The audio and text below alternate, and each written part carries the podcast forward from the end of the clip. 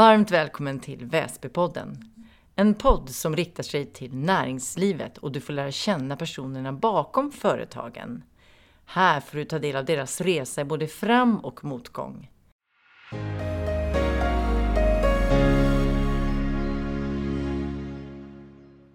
Årets första avsnitt är tillsammans med Daniel Illich på Renew Service.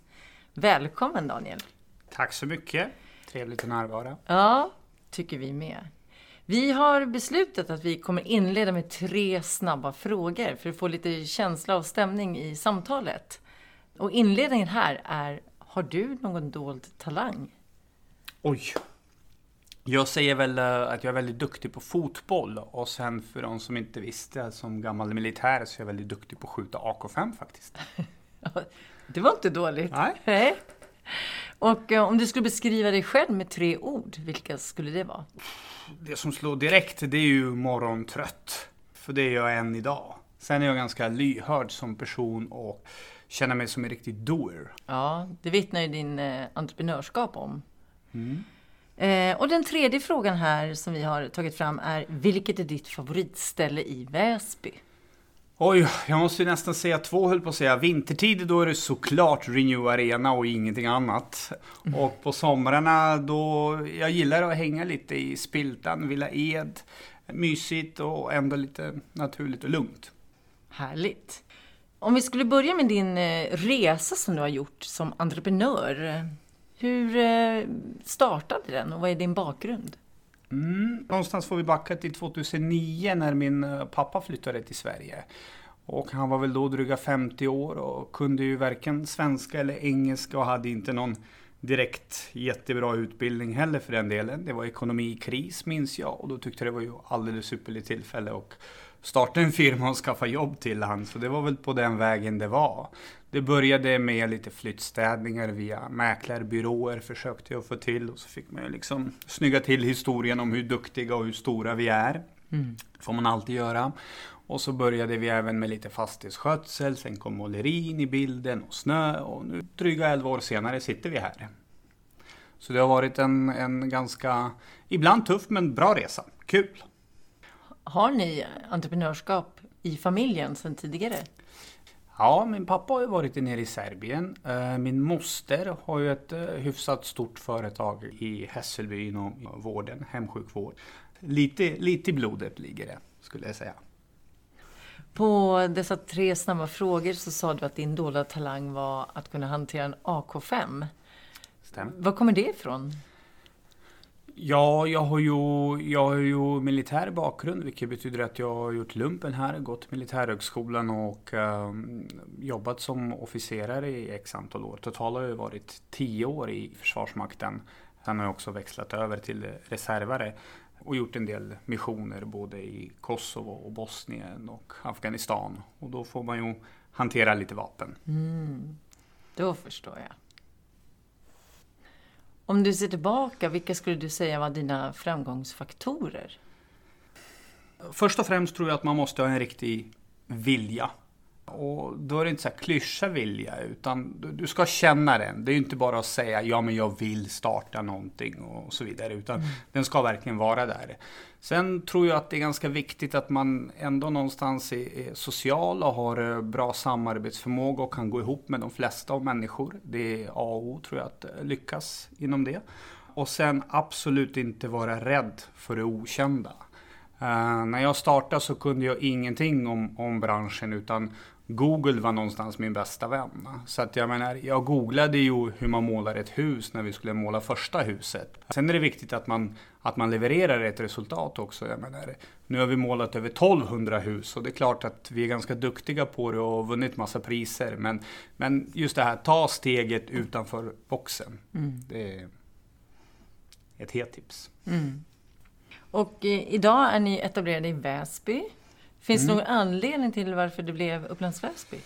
Oj, det är ju en, eh, jag höll på att säga, lång historia. Min bakgrund är ju att jag är född och uppvuxen fram till 12-årsåldern i Serbien. Och bodde i en uh, liten by med getter och kor och allt annat som jag vallade om dagarna. Mm. Med min mamma och mormor och morfar.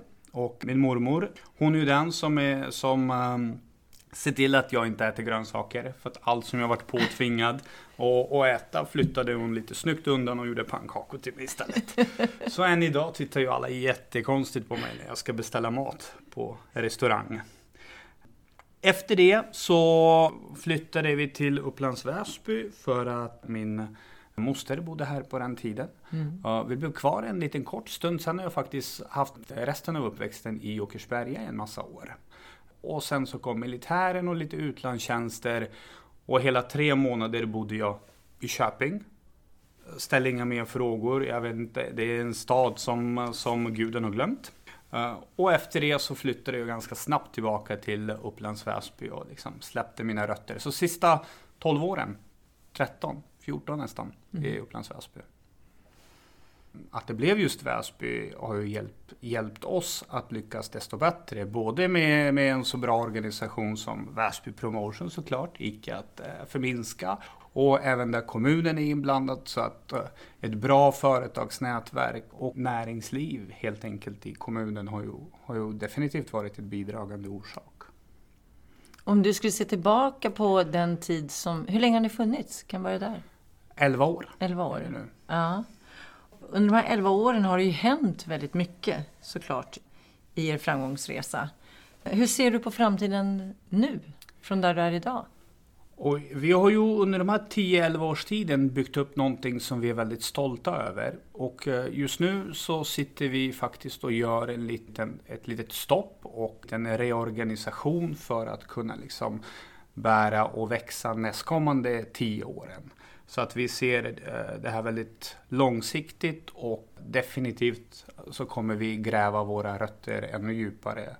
Framförallt lokalt men även liksom i närliggande orter.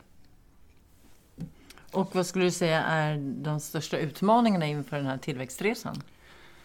Ja, alltså, det är lite svårt att säga, men, men det är klart det, fin det finns alltid konkurrenter och jag tycker att det är de som gör oss ännu bättre. Jag tycker det är jättebra med konkurrens. Det finns um, hela branschen, om man säger fastighetsbranschen eller fastighetsskötarbranschen som vi är väldigt mycket inne i, är också inne i någon form av digitaliseringsfas. Uh, det är inte klassiska fastighetsskötare som det var en gång i tiden som gick med liksom stor knippa nycklar. Nu ska de vara mer eller mindre akademiker så det, det, det är liksom en process att gå över och där tycker jag att vi är väldigt snabba på bollen och ligger i framkant. Ja, i det stora hela ser jag bara potential. Vad härligt. Jag tänker det låter som att det är ett paradigmskifte av förhållningssättet till yrkesutövandet som du beskriver. Absolut, och det ja. är och det är ju säkert i många branscher. Men jag tycker att det är väldigt, väldigt påtagligt inom vår bransch. I synnerhet när man jämför de väldigt erfarna, de som ligger nära till pensionen om mm. jag säger så. Eh, den typ av personalen kontra de här nya som kommer in från skolan nu. Det är liksom två, två helt olika koncept. Hur många anställda är ni idag? Vi är cirka 30 stycken och jobbar med lite olika saker, är duktiga på olika saker och kompletterar varandra väldigt, väldigt bra. Jag ska inte sticka under stol med att det är alla våra medarbetare är definitivt bidragande till, till den resan som vi har gjort som företag. Vi jobbar både med ekonomisk förvaltning, vi jobbar med teknisk förvaltning, vi jobbar med drift och sen har vi även lite stödfunktioner såsom trädgård, vinterunderhåll med mera. Imponerande, vill jag verkligen tillägga. Och om vi då går in på en liten privat sida här. Du är dessutom småbarnsförälder. Mm. Har du något tips till andra som sitter i samma sitt som du själv? Framgångsrik entreprenör, småbarnsförälder. Hur får du ihop livets alla timmar? Mm. Det alltid handlar om prioritering och att vill man någonting så kan man. Jag jobbar vissa perioder väldigt mycket men sen så har jag definitivt blivit bättre på att planera min tid. I synnerhet efter att, efter att jag fick barn. All min ledig tid se och till att göra någonting ihop med, med familjen. Jag själv har vuxit upp bara med min mamma så att jag, jag vill ju vara där extra mycket för, för mina barn. Det är absolut ingenting, alltså det är absolut inte omöjligt. Så kan vi säga. Tänker du även så i rollen när du rekryterar personal också? Att det kanske till och med kan vara en tillgång att de har familj och barn? Just av prioriteringsskäl? Absolut, man lär sig, eller man blir tvingad att lära sig egentligen att planera tiden på rätt sätt för att hinna med alla delar man ska. Det handlar både privat och i arbetslivet och med kollegor och de arbetsuppgifterna man ställs inför. Så att, absolut, jag tycker även att jag har blivit mycket bättre eh, arbetare helt enkelt mm. efter att jag fick familj. Mm. Vi eh, börjar närma oss sista frågan och då tänker vi så här att det du vet idag, finns det något som du hade gjort annorlunda i livet när du tittar tillbaka? Nej, för att jag tycker att jag har provat mina vingar med olika saker. Eh, både inom, inom skolan, inom eh, militären, driva eget, jobba på andra företag. Så att jag skulle inte vrida om klockan och göra något annorlunda utan hade nog gjort ungefär ganska mycket på samma sätt. Jag ändå haft som pojkdröm någonstans att ha, att ha eget, att vara direktör. Eh, vilket jag har fått uppleva så det är jag också tacksam för. Mm. Jag eh, uppfyller mitt livets syfte någonstans som jag tycker om vi nu ska prata arbetslivet så, så är jag nöjd med att jag har haft tron på mig själv, jag har haft tron på mina medarbetare. Jag eh, har genom åren tror jag hjälpt ganska många. Både vad det gäller liksom att få arbete, att känna sig uppskattade eller till och med starta egna bolag. Och det är det någonstans som jag genuint mår bra av. Sen att eh, vinna lite priser, det skadar aldrig, men det är ju bara ett, ett kvitto på att man gör kanske rätt saker. Jag har aldrig drivit bolag för att tjäna pengar. De kommer på sidan. Och jag har stött på en del människor som bara haft i åtanke i första hand, jag startar bolag för att tjäna pengar. Och det brukar sällan sluta bra. Mm. Vad fint. Tack för väl valda ord. Och med dessa ord så tackar vi från Väsby Promotion Daniel Illich och hoppas att ni som lyssnar också haft en trevlig stund tillsammans med oss. Tack! Tack! Den här podden står Väsby Promotion bakom. Har du frågor eller tips på personer du tycker vi ska intervjua?